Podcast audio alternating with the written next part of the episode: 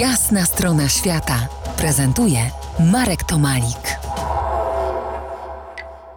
I ostatnia część dwuletniej podróży sześcioosobowej polsko-australijskiej rodziny do Papui Nowej Gwinei. Bardziej stacjonarnego pobytu niż podróży jako takiej. Trudno to sobie wyobrazić. Szpital, sklep, targ, łazienka w hotelu w najbliższym mieście Hagen, oddalonym od wioski Rulnej, w górach, o kilka godzin jazdy samochodem terenowym po wertepach, ale tylko wtedy, kiedy droga była przejezdna, oczywiście. Wszystko to bardzo trudne. Wielości chorób, gdzie interwencja szpitalna była nieodzowna, nie będę tutaj namnażał, bo tereny, gdzie mieszkali, to w wylęgarniach wszelakich chorób tropikalnych. Tych interwencji było było wiele, bo wiele razy zdrowie dzieci było zagrożone, życie wisiało na włosku. Między innymi syn Miszka zachorował na mononukleozę, a jednak wszyscy przeżyli. Dzięki nieocenionej pomocy Jacka Różyckiego udało mi się w tych trudnych czasach kilka dni temu porozmawiać z Katy. Tak oto wspomina po 40 latach czas spędzony na Papui Nowej Gwinei. It seems like a dream. Po latach wydaje się to jak sen, który nigdy się nie wydarzył, albo film, który, który widziałam.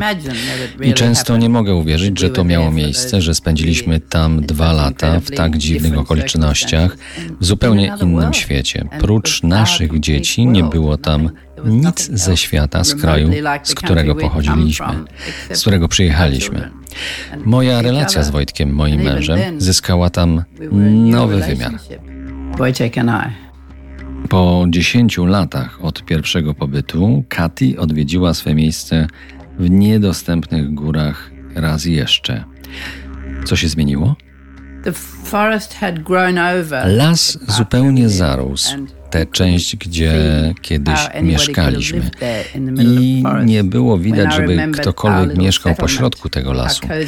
Jak pamiętam tę naszą osadę, to przytulna była z małymi trawiastymi chatkami, bulgotanie rzeki tuż obok i wiedzieliśmy o każdym, kto przechodzi obok. Kiedy tam wróciłam, okazało się, że jedni ludzie umarli, inni zginęli w wojnach plemiennych, jeszcze inni się po prostu zestarzeli. The others had got old.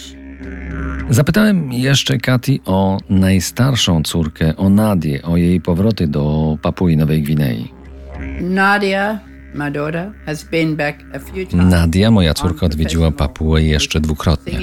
To były artystyczne misje jako piosenkarka i angaż w filmie dokumentalnym. Została zaproszona przez MTV na wielkie pacyficzne tournée. Stała przed dziesięciotysięczną publicznością na stadionie. Była przerażona i zastanawiała się, czy zwymiotuje, czy zaśpiewa. Jednak zaśpiewała. Nadia mówi i śpiewa nie tylko w języku pidgin, ale w lokalnym języku ludzi okolic Hagen.